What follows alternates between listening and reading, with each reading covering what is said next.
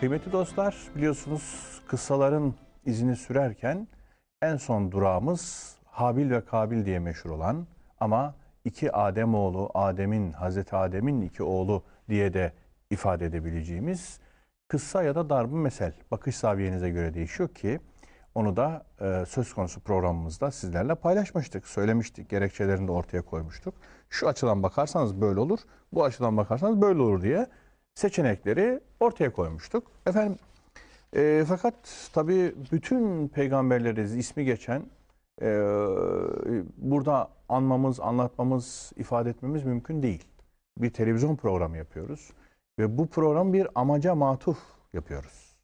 Efendim kıssaları e, ibret levhalarına dönüştürmenin numunelerini, örneklerini ortaya koymak istiyoruz. Bütün denizi aktarmaktansa denizden bazı numuneler alıp sunmak çok daha isabetli e, zaman, zemin, imkan açısından böyle düşünmeliyiz diye ifade ediyoruz. O yüzden sıralamada Hazreti İdris'i konuşmamız icap ederdi ama tabii e, birkaç ayet, bir iki ayet ancak söz konusu olduğu için e, doğrusu onu sizlere havale ediyoruz. Araştırmanıza, üzerinde yoğunlaşmanıza havale ediyoruz. Özellikle konuşmayı düşündüğümüz Hazreti Nuh Aleyhisselam var. Hazreti Nuh Aleyhisselam üzerine e, belki birkaç program yapacağız. Çünkü Kur'an'da çokça zikri geçiyor. Birçok yerde atıflar var. Efendim referanslar çok fazla. Dolayısıyla bize de e, söyleyeceği, önereceği çok külli önermeler var, unsurlar var. Onları ele alacağız. Bugün bir başlangıç yapalım diye arzu ediyoruz. Niyetimiz bu yöndedir. Gerekçemizi de sizlerle paylaşmış oldum. Hocam hoş geldiniz, sefalar getirdiniz. Teşekkür ederim. Allah razı olsun. Allah iyilik versin hocam. Bugün e, az önce de söylediğim gibi Hazreti Nuh'a bir Bismillah diyelim inşallah. Bu selden adam kurtaran e, kişi diye bir hikayesi var biliyorsunuz. Ondan sonra Hazreti Nuh'la ilgili tabii birçok yerde e, ayetler geçiyor. Öbek öbek değişik noktalarda. Ondan sonra fakat e, ismiyle müsemma Nuh suresinden başlayalım. Ondan sonra bunu takip ederken diğer referansları da bir şekilde bağlantılandıralım. Zaten öyle bir yolumuz var. Hı hı. Yani Kur'an'ın diğer noktalarına da projeksiyonlar yapıyoruz ve böylece birleştiriyoruz. Bismillahirrahmanirrahim. Kendilerine yakıcı bir azap gelmeden önce kavmini uyar. Yakıcı bir azap gelmeden önce diye Nuh'u kendi kavmine gönderdik. Nuh şöyle dedi. Ey kavmim şüpheniz olmasın ki ben sizi Allah'a kulluk edin, ona karşı gelmekten sakının ve bana itaat edin ki Allah bir kısım günahlarınızı bağışlasın ve sizi belli bir vadeye kadar tehir etsin, muahaze etmeden yaşatsın diyerek apaçık uyaran bir kimseyim. Bilinmeli ki Allah'ın tayin ettiği vade gelince artık o ertelenmez. Keşke bilseydiniz. Sonra Nuh, Rabbim dedi, doğrusu ben kavmimi gece gündüz imana davet ettim. Bu da Nuh'un ifadesi. Fakat benim davetim ancak kaçmalarını arttırdı. Kaçtılar.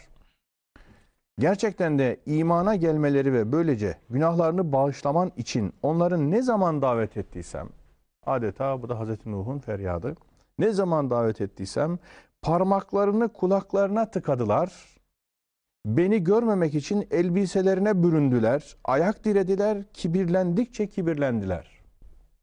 Sonra ben kendilerine haykırarak davette bulundum. Sonra onlarla hem açıktan açığa hem gizli gizli konuştum.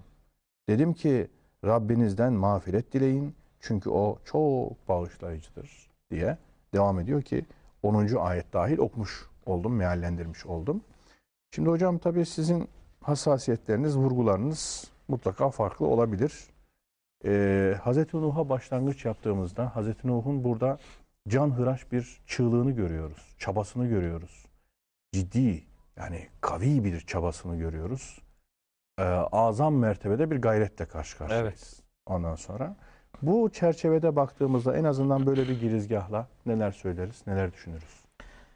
Evet Yusuf Bey tabi Hazreti Nuh hakkında Kur'an-ı Kerim'in en çok bilgi verdiği peygamberlerden bir tanesidir. Evet. Tabi biz kıssaları konuşacağımızı söylediğimiz o ilk programlarımızın birinde detaylı bir şekilde şunu işlemiştik. Demiştik ki Kur'an-ı Kerim'in kıssaları insanlık tarihinin bütün peygamberlerinin kıssaları değil. Yani Kur'an-ı Kerim'de sözü edilen peygamberler peygamberlerin tamamı değildir. Dolayısıyla ara ara peygamberler bazı kesintiler gibi görünen zaman dilimleri e, fark ediliyorsa da bu çok doğru da değil. Kur'an'da bir peygamberin adının geçmemesi onun peygamber olmadığı manasına gelmez. Dolayısıyla hani izleyici kardeşlerimiz belki şunu düşünebilirler. Yani Hazreti Adem'den sonra Hazreti Nuh mu geliyor? Gerçi siz sunuşu yaparken de Hazreti İdris'in arada bir peygamber olduğunu ifade ettiniz. Doğrudur. Sadece Meryem suresinde hakkında iki küçük ayetlik bir bilgi var. Vezkür fil kitabı İdris innehu kâne sıddikan nebiyya ve rafa'nahu mekanen aliyya diye böyle bir gönderme var Hazreti İdris'e. Ondan sonra Hazreti, Hazreti Nuh. Şimdi bu bakıldığı zaman Hazreti Adem, Hazreti İdris, Hazreti Nuh bunlar sanki böyle birbirine çok yakın yaşamışlar gibi zannedilebiliyor. Ee, niye? Çünkü Kur'an'daki peygamberlerin bütün peygamberler olduğu düşünüldüğü Zanlı için. düşüncesi var. Bu doğru değil. Bu hani benim benim yaklaşımım olduğu için doğru değil demiyorum. Bunun doğrudan ayetlerden referansı var bu mantığımızın. Nisa suresi 163 164. ayetler ve Mümin suresi 78. ayet çok net bu konuda. Ee, peygamberimize yönelik Rabbimiz buyuruyor ki Nisa 163 164'te Estağfirullah e, ayet metnini de okuyayım kardeşlerime. İnna evhayna ileyke kema evhayna ila Nuhin ve nebiyyine min ba'dih ve evhayna ila İbrahim ve İsmail ve İshak ve Yakub ve esbati ve İsa ve Eyyub ve Yunus ve Harun ve Süleyman ve ateyna Davude zebura. Şimdi bir grup peygamberi sayıyor Allahu Teala. 163. ayet Nisa suresinin. Sonra 164'te buyuruyor ki ve rusulen kad gasasnahum aleyke min kablu. Sana kıssasını anlattığımız peygamberlere de vahyettik. Ve rusulen lem naksushum aleyke. Sana kıssasını anlatmadığımız peygamberlere de vahyettik. Evet. Bu doğrudan bu bu ayet doğrudan insanlık tarihinin bütün peygamberlerinin Kur'an'da zikredilmediğinin bir delilidir. Benzer bir ifade Mümin suresi 78'de de var. Bunun ötesinde mesela Nahil suresinin 36. ayetinde Estağfirullah ve lekad ba'asna fi kulli ümmetin rasula. Biz her ümmete mutlaka bir peygamber gönderdik diyor Allahu Teala. Dolayısıyla bir topluluğa mutlaka bir peygamber gönderildiği ifade edildiğine göre hele ki Kur'an'da kıssası anlatılan peygamberlerin hemen hemen tamamı Orta Doğu'ya gönderilen hatta bir kısmı bir anda birkaç peygamber olarak da görevlendirildiği bilinen bu peygamberlere bakıldığı zaman Kur'an kıssalarının bütün peygamberleri içermediği belli bir e, yörenin ve belli bir diyelim coğrafyanın e, örnek seçildiği e, anlaşılıyor. Mekkelilerin ve Medinelilerin adlarını bildikleri, kıssalarını kısmen bildikleri peygamberlerin onlara hatırlatıldığını söyleyebiliriz. Bunu şunun için e, ifade ediyorum. Şimdi Hazreti Nuh'la ilgili belki bugünkü programda sırayı oraya getiremeyebiliriz ama mesela çok önemli bir gemi yaptığını e, biz biliyoruz ve bu geminin hatta yani geminin yapımında kullanılan malzeme detayına varıncaya kadar Kur'an-ı Kerim'de bilgi var Hazreti Nuh'la ilgili. Ve o detay dediğim bilgiler de böyle metalik parçalardan söz eden kelimeleri bize öğretiyor. İlk insan nesline çok yakın yaşadıysa Hazreti Nuh bu medeniyetin ne zaman üretildiği noktasında bir soruyla karşılaşırız ve bunu doğru dürüst cevaplayamayız. Şahsen ben Hazreti Adem ile Hazreti Nuh'un arasında çok uzun asırların geçtiğine inanıyorum. Hmm. Yani Kur'an- Kur'an-ı Kerim'de mesela Hazreti Nuh'la alakalı şöyle bir farklılık daha vardır. Mesela biraz önce okuduğum Nisa suresi 163. ayette buyuruyor ki Rabbimiz İnna evhayna ileyke biz sana vahyettik kema evhayna ila Nuhin ve nebiyyine min ba'dihi Nuh'a ve ondan sonraki nebilere de vahyettiğimiz gibi.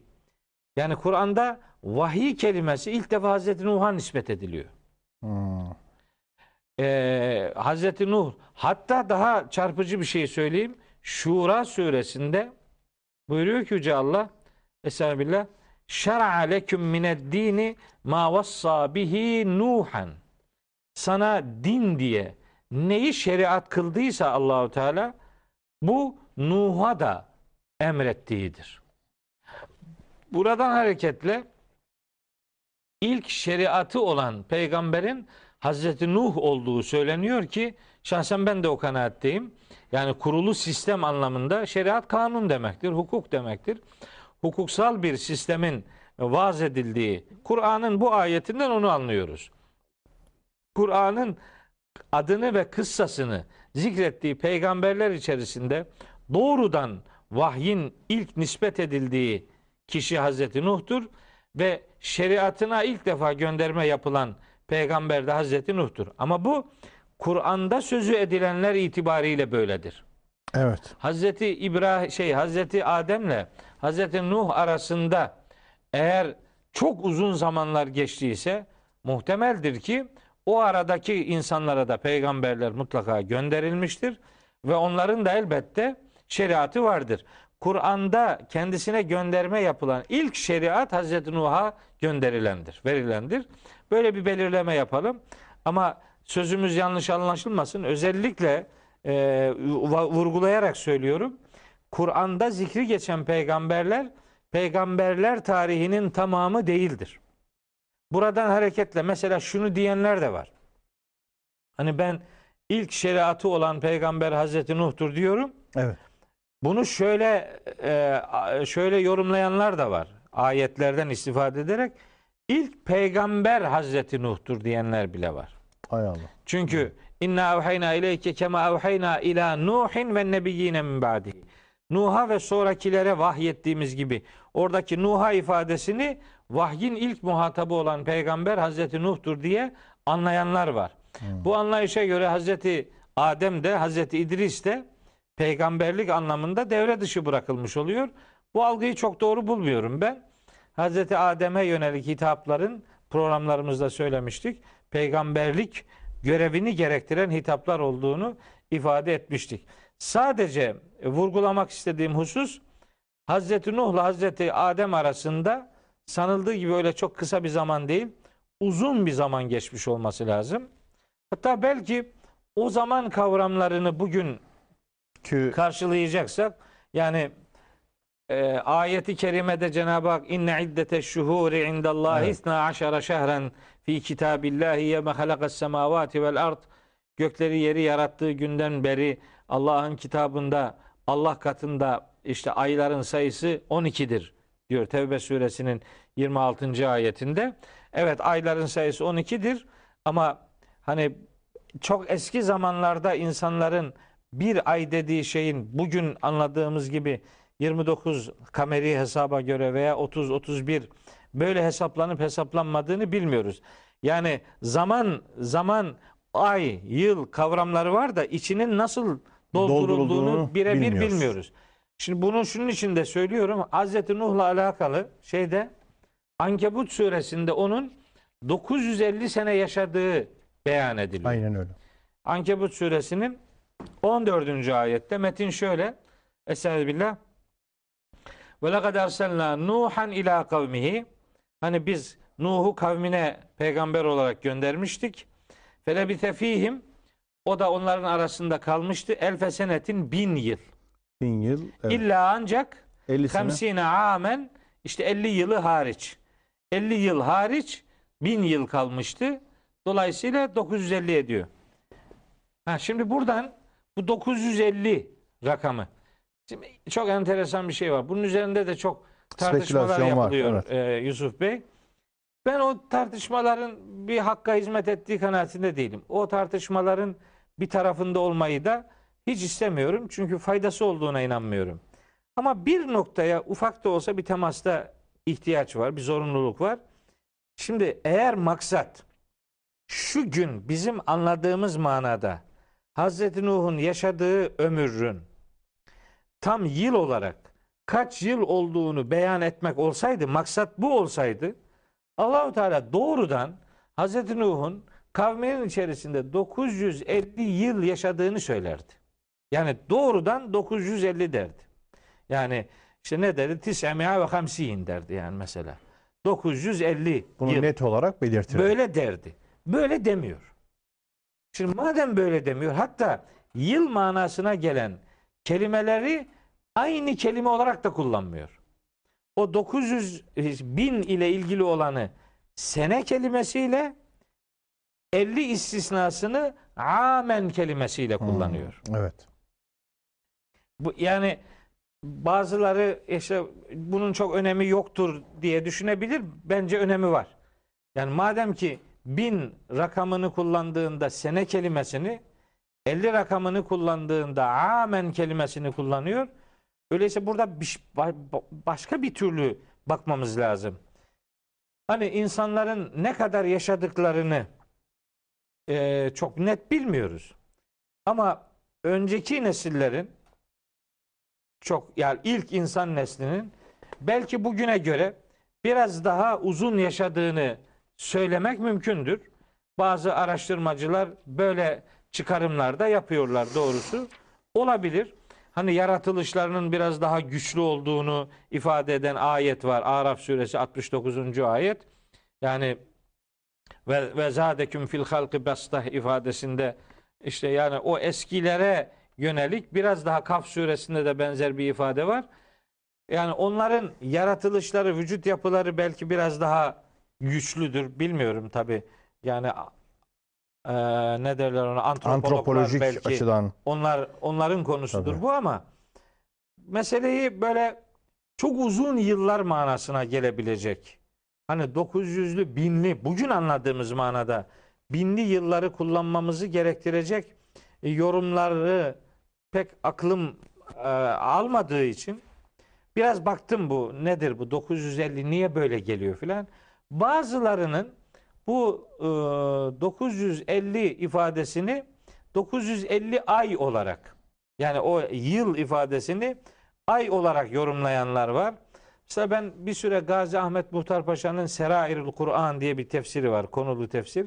Bu kainat kitabı ile alakalı. Onun bu takvimlerle alakalı çalışmaları var. Hı hı. İşte Doğu Komutanı olarak bilinir Gazi Ahmet Muhtar Paşa Osmanlı'nın son döneminde. Hı hı. O zatın Serairul Kur'an adlı eserinde bu 950 yıllık hesabın Hı hı. aslında bizim bugün anladığımız gibi tam 950 sene değil de daha kısa bir süreyi karşılayan bir hesabı var.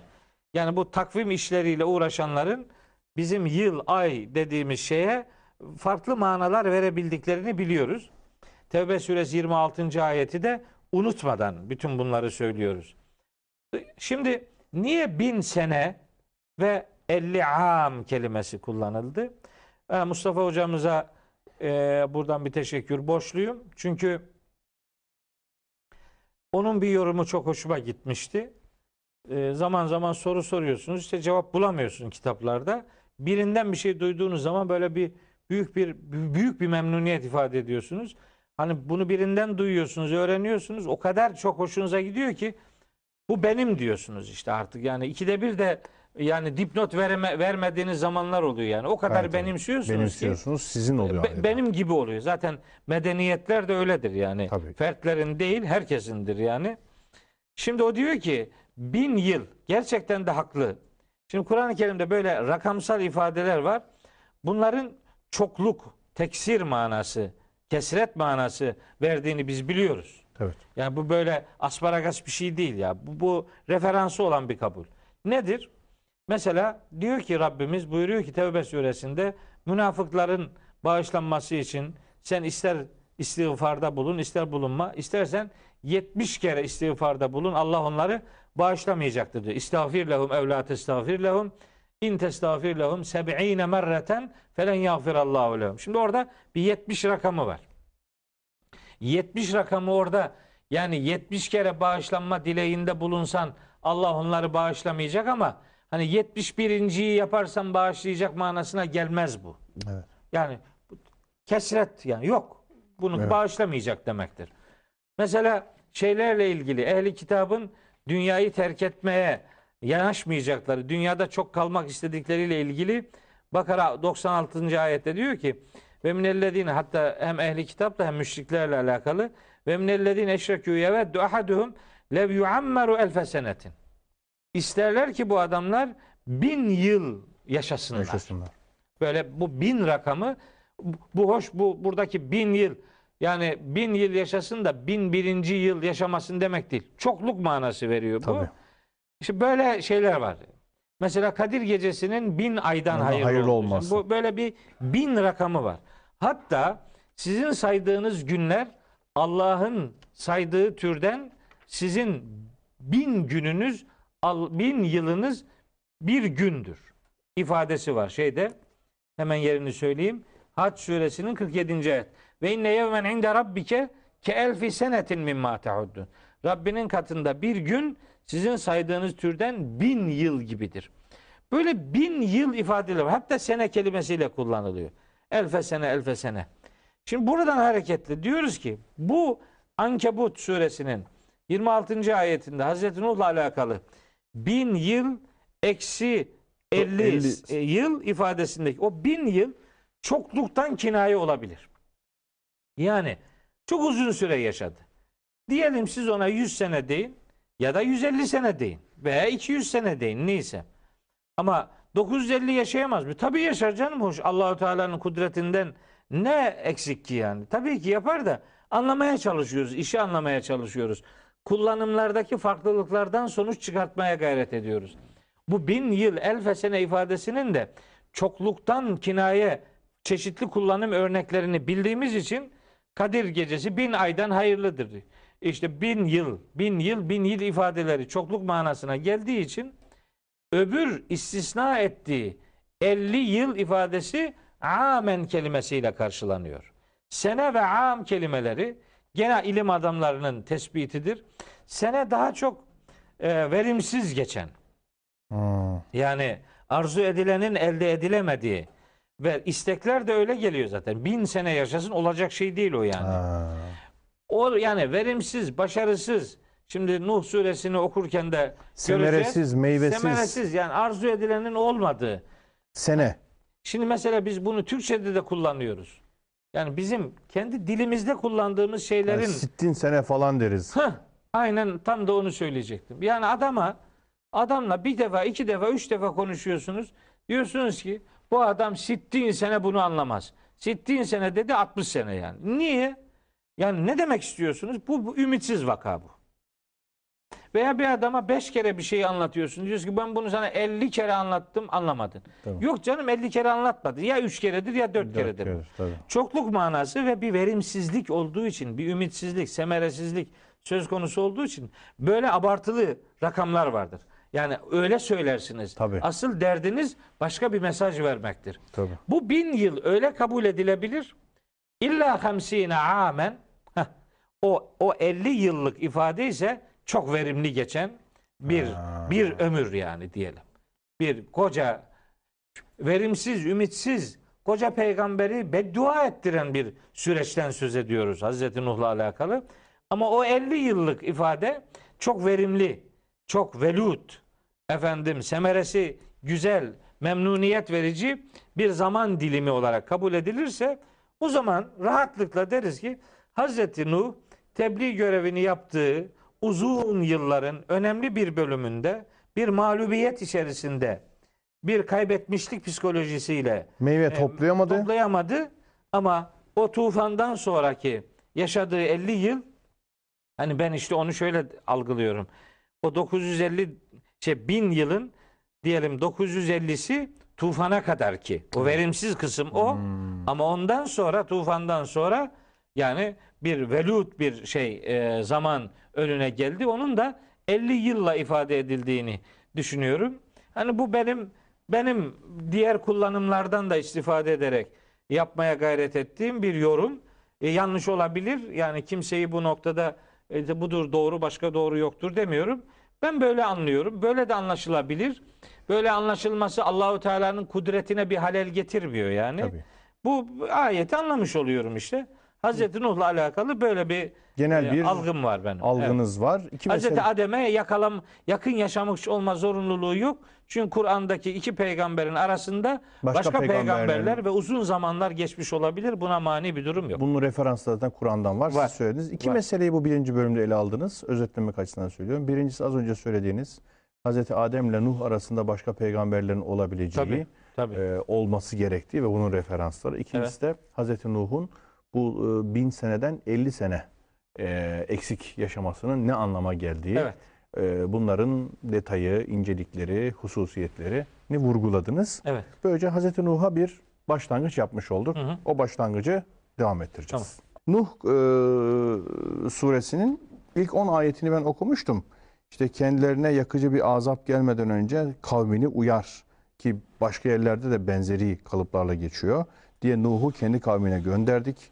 Nuh şöyle dedi ey kavmim şüpheniz olmasın ki ben sizi Allah'a kulluk edin, ona karşı gelmekten sakının, bana ibadet, edin ki, itaat edin ki Allah bir kısım günahlarınızı bağışlasın ilahir. Yani Hazreti Nuh'un çok yoğun bir davet çabasının olduğunu görüyoruz. Kavminin de bunun karşısında alabildiğine vurdum duymaz, duyarsız, duvar gibi bir kavim olduğunu görüyoruz. Öyle yani kösele derler ya. Ee, ne diyeceğiz hocam bu Hazreti Nuh'un mücadelesi meselesine bir başlangıç yaparsak ne deriz? Nasıl anlayacağız bu Nuh suresinin ilk kısımlarını? Nasıl Evet. yorumlarız? Şimdi Yusuf Bey Nuh peygamberle ilgili konuşurken böyle ister istemez elim Kur'an-ı Kerim'de 5-10 yere gitmek zorunda. Evet. Çünkü bunların Bu çok yerde çünkü. evet hepsinde Hazreti Nuh geçiyor. Evet. Ben böyle kısaca ilk etapta aklıma gelenlerin nereler Evet. olduğunu söyleyeyim. Kısaca zaten inşallah diğer programlarımızda da Da devam edeceğiz. Devam edeceğiz. Hazreti Nuh'u. tabii. Bir defa Araf suresinin işte 59. ayetinden 64. ayetine kadar e, bir bahis var Hazreti Nuh'tan. Sonra e, Hud suresinin 26. ayetinden itibaren ta 25. ayetten 49. ayete kadar bir bahis var. Sonra Müminun suresinin 23. ayetinden işte 30. ayetine kadar 31 32. ayetlerine kadar bir bahis var. Sonra şu Ara suresinde çok önemli bir e, pasaj var. Onun da yerini söyleyeyim. Şu Ara suresinin 105. ayetinden 122. ayetine kadar Hazreti Nuh'la ilgili bilgi var. Sonra kısa kısa ayetler bağlamında başka surelerde de hiç şüphesiz var. Necim suresinde de var Hazreti Nuh. Hakka suresinde filan var. Kamer suresinde çok az da olsa bir pasaj var. Ona biraz detaylı bir şekilde gireceğim inşallah. Kamer suresinin e, 9, 10, 11, 12, 13, 14, 15, 16. ayetleri Hazreti Nuh'la alakalı. Böyle bir, bir epey pasaj var Hazreti Nuh'la ilgili. Ama müstakil olarak da Nuh suresi var. 28 ayetlik koca bir sure. Evet. Biz şimdi Nuh suresinden itibaren orayı bir baz alarak başlayalım. Tabii. Sonra diğer e, surelere ara ara göndermeler yaparız. Sizin de e, mealini okuduğunuz gibi Evet. Hazreti Nuh kavmine gönderilmiş bir peygamber ifadesi geçiyor. Ve lekad erselna Nuhan veya inna erselna Nuhan ila kavmihi. Nuh'u kavmine gönderdik. Şimdi önce Nuh'un kavmine gönderilmesi. Yani bir peygamberin kavmine gönderilmesi ifadesi e, üzerinde durulması gereken bir ifade. Hı hı. Çünkü buradan hareketle mesela şöyle sonuçlar çıkartılıyor. Biz biliyoruz ki Kur'an-ı Kerim'de ve lekad ba'asna fi kulli ümmetin rasulen. Allahu Teala her resulü bir ümmete göndermiştir. Yani bizim şimdi peygamberler kavimlerine gönderildi sözünü doğru anlama noktasında müracaat edeceğimiz ayetler var. O ayetlerden birinde Nahl suresi 36. ayette ve lekad ba'asna fi kulli ümmetin rasula. Her ümmete bir resul gönderdik. Demek ki bir peygamber eğer peygamberse onun kavmine gönderilmesi ile ümmetine gönderilmesi aynı şey. Hmm. Yani kavim başka, ümmet başka değil.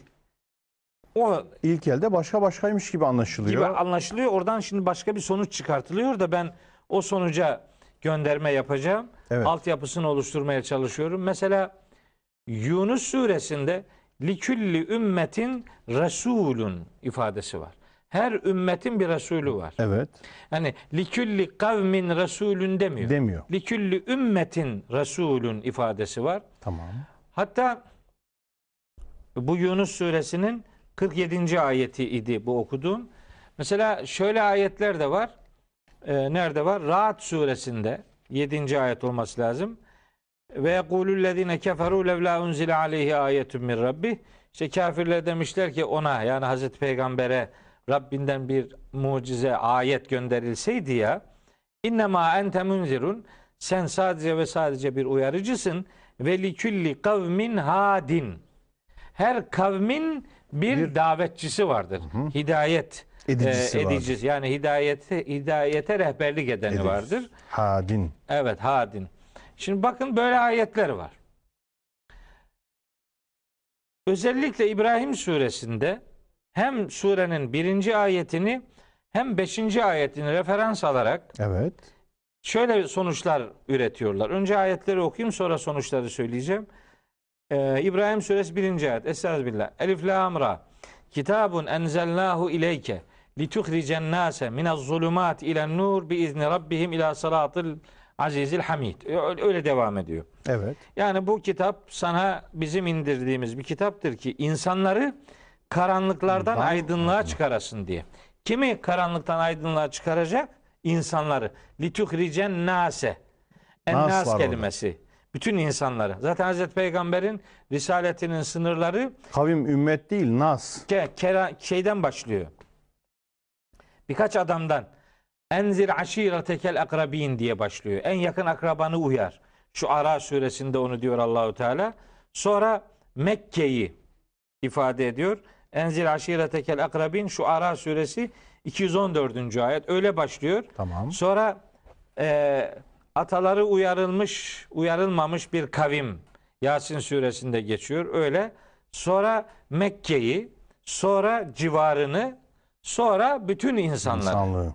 Şimdi bunun böyle kademe kademe, Peyderpey merhale kademeleri var. merhale işte böyle daireler gibi birbirine e, iç, iç içe değil de böyle birbirini çevreleyen daireler gibi genişliyor.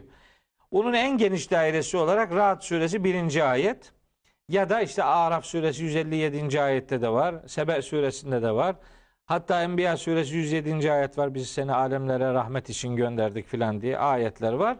Peygamberimizin risaletinin sınırları bütün insanlık olarak belirleniyor. Surenin yani İbrahim suresi 5. ayette ise orada diyor ki ve lekad erselna Musa bi ayatina en ahric kavmeke. Hmm. Biz Musa'ya, Musa'yı da çeşitli ayetlerimizle gönderdik kavmine. Kavmini çıkarsın. Mine zulümat ile nur. Karanlıklardan aydınlığa. Şimdi buradan hareketle deniyor ki Hz. Muhammed sallallahu aleyhi ve sellem Hz. Muhammed bütün insanlığa gönderilmiş peygamberdir. Diğer peygamberler kavimlerine gönderilmişlerdir. Evet böyle bir yorum var. Böyle bir yorum var. Bu Var. daha çok işte bu ayetten Hareketle- karşılaştırma yaparak Şey, çıkartıyorlar evet. bunu. Tabii ilk etapta bakıldığında yani doğru gibi geliyor. Yani doğru düz mantıkla bakınca doğru görünüyor. Ancak bu benim biraz önce okuduğum Yunus suresi 47. ayet efendim e, şey Rahat suresi e, 9. ayet filan bunları bunlarla beraber düşündüğünüz zaman diğer peygamberlerin gönderildiği muhatapların kavim kelimesiyle ifade edilmesi aslında onların ümmet şeklinde algılanmasını zorunlu kılıyor. Nail suresi 36. ayet bunu söylüyor. Her ümmete Resul gönderdik. Her ümmetin bir Resulü vardır ifadesi. Kavimin aslında ümmet gibi algılanması lazım geldiğini söylüyorum ben. Elbette diye denebilir ki kavmin içinde inanmayanlar var. Ümmetin hepsi inanandır. Yok ümmetin hepsi inanmıyor yani. Ee, biz ümmeti ikiye ayırıyoruz. Ümmeti Davet, icabet, ümmeti davet diye. İcabet edenler var. Henüz davet aşamasında olanlar var ama onlar da hepsi son peygamberin ümmetidir bütün insanoğlu. Bu ümmetin içinde inananı olacak. Onunla birlikte inşallah cennete gidecek. İnanmayanı da maalesef cehenneme gidecek. Yani neticede böyle bir ayrım yapacağız. Diyorlar ki, mesela ben bununla çok karşılaştığım için burada ifade edeyim. Henüz kıssaya giremedik. Teknik bir şey söylüyorum ama çok önemli olduğunu düşünüyorum. Mesela Hazreti Peygamber için de kullanılan kelimelere bakarsanız ve bu kelimeleri etraflı bir şekilde diğerleriyle ilişkilendirmezseniz o konuda da yanlışlıklar yaparsınız. İşte şu Ara suresi 214. ayette sadece oraya bakarsanız adam kalkar der ki peygamberimiz peygamber yakın akrabasına gönderilmiş. Tabii. Enzir aşiretekel akrabin buyur. Veya der ki litunzire ümmel kura bu Mekke'ye gönderilmiş ve men havleha en çok da biraz civarına gönderilmiş. Böyle diyebilir. Halbuki bu doğru değil. O konuda kullanılan diğer ayetler var. Mesela Hazreti Peygamber'in de kavmine gönderildiğine dair ayet var. Evet. Yani aile bireyleri bir tarafa diğer peygamberler için kullanılan o kavim kelimesi Hazreti Peygamber için de kullanılıyor. Üstelik Yasin'de. Şöyle bir şey diyebilir miyiz? Hani Arapçada da sizin malumunuz e, bir hazırane var bir de gaibane var. Evet. Şimdi hazırane birebir karşısındaki muhataplar. Hı hı. O anda kendi yakınında, çevresinde, coğrafyasında Hı hı. e, ki muhataplar. Kim? Hazreti Peygamber için Mekke. Yani Evet. Mekke o anda onun kavmiydi. Fakat bir de gaibane onun davetinin e, muhatap olduğu kitleler, insanlar var. Evet. Varlıklar var hatta. Tabii. Cinleri de katabiliriz değil mi Hı işin içine? Şimdi o zaman hazırane düşündüğümüzde kavim kelimesi devreye girer ama o da ümmetin bir parçasıdır. Çünkü geniş halkanın o andaki karşısında bulunan somut kitlesidir. Hı hı. Dolayısıyla bu ikisi birbirine mani değildir. Yani Değil. ümmeti geniş kavmi geniş halkada düşündüğümüzde ümmet, ümmeti dar alanda birebir zaman ve mekan boyutunda somut olarak düşündüğümüzde kavim. E, de, diyebiliriz. diye İşte mesela çözülebilir gibi geliyor tabii. bana.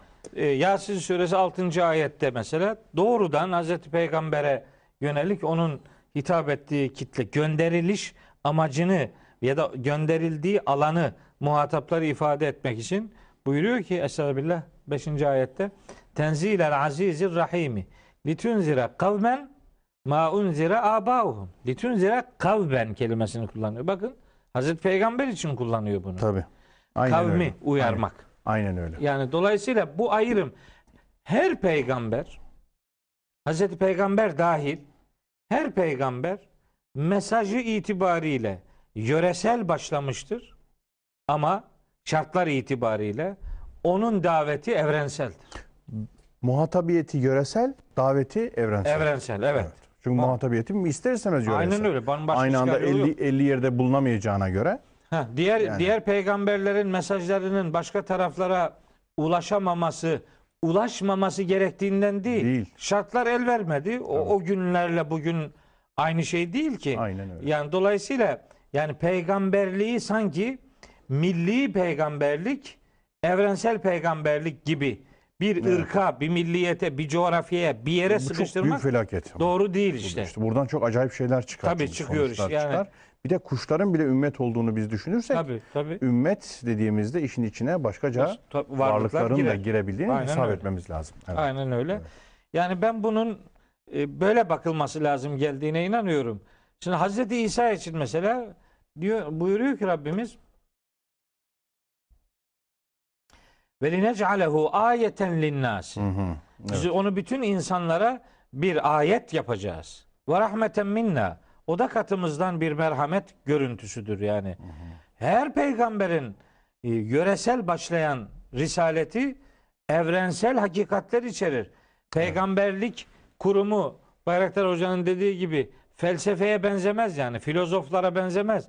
Onlar filozoflar varlıklarını başka filozofa reddiye üzerine kurarlar. Tabii. Peygamberlikse tasdik ve müheyminlik kurumudur. Tabii. Ne diyorlardı? Silsiletül mütekezzibin. Evet.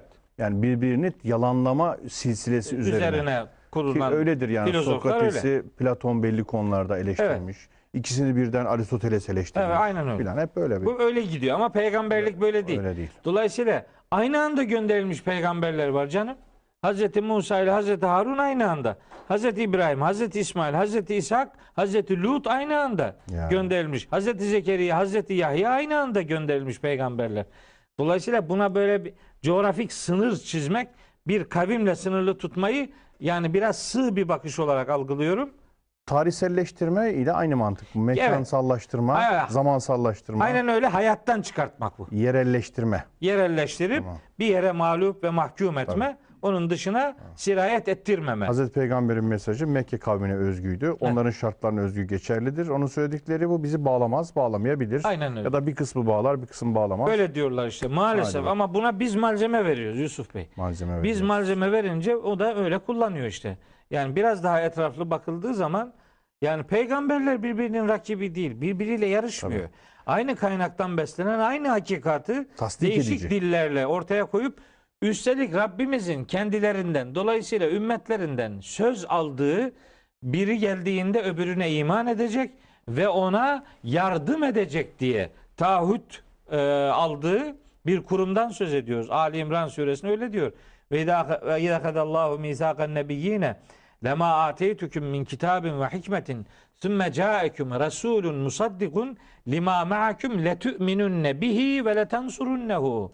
Yani sizin yanınızdaki kitabı doğrulayan bir peygamber geldiğinde ona iman edeceksiniz ve ona yardım edeceksiniz diyor. Aynen Kurum böyle olunca aynı kaynaktan beslenen, aynı hakikatleri ortaya koyan peygamberlik sistemini yöreselliğe mahkum etmek doğru değildir. Sadece şartlar e, öyle gerektirdiği için, imkanlar öyle öyle bir hali zorunlu kıldığı için bazı peygamberlerin risaleti yöresel kalmıştır. Ama bu evrensele taşınmaması gerektiği için değildir. Bu kavim kelimesini de böyle ümmetle beraber düşünerek algılamak daha doğru bir algı biçimidir öyle inanıyorum. Cari olan bir kullanım olduğu için şu herkesin ağzında Hı hı. efendim. Mesela benim hep e, din duyduğumda böyle teyakkuza geçtiğim böyle adeta tüylerimin diken diken oldu ve çok dikkatli oldum. Tırnak içinde söylüyorum. Bizim peygamberimiz. Evet. Söylemine dikkat etmek gerektiğini düşünüyorum. Bizim peygamberimiz bugünkü anlamda bir inhisarcılık, e, bir şey. e, ırkı ya da belli bir topluluğa, milli. ondan sonra ya da belli bir e, inanan kitlesi, Müslümanlar sadece. Hayır bizim peygamberimiz herkesin Sahiplerini sınırlandırmanın bir alemi yok. sınırlandırma ve onu çerçeveleme manasına gelebiliyor. Her anlamda pey- her peygamber bizim peygamberimizdir. Tabii. Bütün insanlığın peygamberidir. Aynen öyle. Bu bu olma bizim peygamberimiz diye böyle bir sınırlama, inhisar, kendi cebine koyma e, anlayışı bazen olabiliyor. Aynen işte maalesef bakın böyle böyle kapıların aralanmaması için Kur'ani kavramları sahibi nasıl tanıttıysa öyle tanımak ve bir konudaki ayetlerin hepsini bilerek ondan sonra bir kanaat sahibi olmak daha doğru bir şeydir. Evet. Yarıştırıcı bir mantığa mağlup ve mahkum olmanın bir alemi yoktur. Bunu bu vesileyle söylemiş olayım. Evet. Ee, Yasin suresi 6. ayete ufak bir gönderme yaptım. Hani Hazreti Nuh için diğer peygamberler için de kavim kelimesini kullanıyor. Ama Hazreti Muhammed için de sallallahu aleyhi ve sellem onu kullanıyor. O ayetle ilgili çok özel bir şey var. Onu da kısaca ifade edeyim. Sonra e, Nuh suresine geçeyim. Tenzilel azizir rahim. Evet. E, Aziz Rahim Allah'ın indirmesidir Kur'an-ı Kerim. ikramıdır. Litunzira kavmen Litunzira kavmen bir kavmi uyar, uyarasın diye. Nasıl bir kavim bu? Maunzira abahum ataları uyarılmamış. Fehum gafilun kendileri de gaflette kalmışlar. E lekad hakkal kavlu ala ekserihim sonra da büyük çoğunluğu üzerine azap sözü hak olmuş. Ya ataları uyarılmamış adam Nasıl Zaten- azabı a- zaten duçar zaten oluyor? gaflette kalacak. Ne yapacak yani adam? Yani ne, ne, ne verdik ki neyle suçluyoruz şimdi? O ayetin de ısrarla yanlış yorumlandığı kanaatindeyim. Hı. Bütün zira kavmen ma. Ma. O ma'yı ben kavmen kelimesiyle ilişkili görüyorum. Şöyle bir kavmi uyarasın ki Ünzira abahum ataları da uyarılmıştı onların. Fehum gafilun.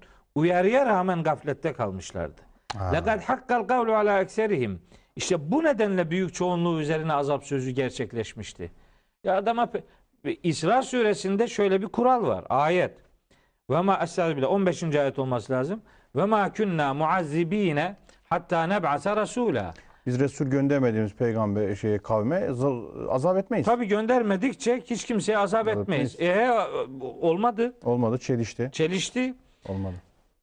Şimdi şöyle bir sorun var Yusuf Bey. Bizim şey din algımızda şimdi diyelim ki biri bir şey kabul etti, bir görüşü. Hatta bu görüşü çoğunluk kabul etmiş de olabilir. Biri değil de çoğunluk kabul etmiş olabilir. Sanki o konuda başka bir görüş yokmuş gibi, sanki ümmetin tamamı o konuda fikir birliğindeymiş gibi Gibi bir kabul anlayış. ediliyor. Sonra aykırı bir şey söylediğiniz zaman hani bir fitne unsuru gibi gösteriyorlar. Halbuki ilgisi yok.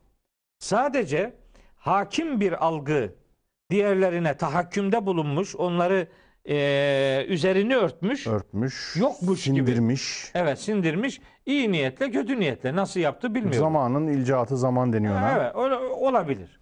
Ama mesela müfessirlerimizin önemli bir bölümü o okuduğum Yasin suresi 6. ayeti litunzire kavmen ma unzire abahum oradaki ma edatına kema unzire manası vermişlerdir. Ha, evet. Ataları da uyarıldığı gibi. Hmm. Öyle olduğu zaman ayetler arasında hiçbir sorun yok. Hem atalarının uyarılmamasından söz ediliyor. Buna inanılıyor. E peki diyorum ki ataları uyarılmamış diyorsun. Hazreti İbrahim kimin dedesiydi? Arapların. Hazreti İsmail Arapların dedesi. E demek ki yani de- atası uyarılmış. Yani uyarılmamış manası doğru değil. Hani ille de uyarılmamış diyeceksen yakın ataları de bari. Yakın evet yakın. da. Fakat bu defa da başka sorun çıkıyor. İsra 15. ayetle sorun çıkıyor. Uyarılmamışsa adam niye gaflette kalması bir kabahat olsun? Niye onun üzerine azap sözü gerçek olsun? Bunlar çok doğru şeyler değiller. Dahasını söyleyeyim. İşte fetret falan meseleleri de var diyor. yorumlar. İki peygamber arasında vahiysiz geçen dönem. Olabilir. Fetret dönemi. Olabilir de işte bu yeni bir vahiy gelene kadar eski vahiy geçerlidir. Geçerlidir. Dolayısıyla hele ki bu Mekke'ye tutmaz bu algı yani. Evet. tutmaz. Mekke'de muvahhidler var. Tabii. Hazreti İbrahim'in Hanif- geleneği Hanifler Hanif var. Yani hem Hanifler var hem Hazreti Muhammed Hanifti diyeceksiniz. Evet. Hem o toplumun işte arı duru du- duruşu ortaya koyabilen adamları vardı diye Mekke'yi Söyleyeceksiniz. tanı- tanıtacaksınız. Hem de gelip Yasin suresi 6. ayete atalara uyarılmadı bunun. Bu olmadı. Yani o uyarıyı birebir peygamberle buluşmak gibi algılan- algılanıyor. Sizin biraz önce anlattığınız gibi hazırda olanlar ve gayipte olanlar yani birebir muhatap olabilirsiniz. Biz de Hazreti Muhammed'i görmedik. Tabii. Yani ona yine iman etmiş olmak için onu görmek gerekmiyor işte. Biz onun kavminden değiliz ama ümmetindeniz. Ümmet, ümmetindeniz işte yani. Neticede böyle görmek lazım. O ayeti de bu anladığım gibi e, yorumladığımı yani kavim kelimesi geçtiği için e, yani sözün burasında hatırlatma ihtiyacı hissettim. Evet Hazreti Nuh da kavmine gönderilmişti. Diğer peygamberlerin de kavmine gönderildiği gibi. Ama bu gönderilen muhataplar kavim kelimesiyle anlatılıyor olsa da mesajın her zaman bütün insanlık olduğu anlaşılıyor. Kur'an-ı Kerim bize Hz. Muhammed'in risaletinin bütün insanlar olduğunu söylemekle beraber onlara ne kadarına ulaşabiliyorsanız ulaşın mesajını da veriyor bize En'am suresi 19. ayette. Uhiye ileyye hazel Kur'an li unzirekum bihi ve men belaga. Bu Kur'an bana vahyedildi ki li unzirekum bihi hem sizi onunla uyarayım ve men belaga ve hem de kime ulaşabiliyorsa o kadarını. Ha, öyleyse peygamberi sahiplenmek onun misyonunu, mesajını, vizyonunu tebliğ ettiği esasları herkese ulaştırmak demektir. Sahiplik böyle olursa içselleştirmek değil, evrenselleştirmeyi Evrenselleştirmek. öncelemek lazım. Böyle olunca kavim kelimesini de, millet kelimesini de, ümmet kelimesini de daha iyi, daha doğru anlamış olacağız. En enzir kavmeke min kabli en ye'tiyehum azabun elim. Kendilerine korkunç bir azap geçme, gelmeden önce kavmini uyar diye. Buradaki kavmini uyarı da böylece aslında oturtmuş olduk. Evet, Şimdi öyle. netleştirmiş olduk Evet. diye Nuh'u kendi kavmine gönderdik. Kavmine gönderdik. Tamam. Değil mi? İndirdik.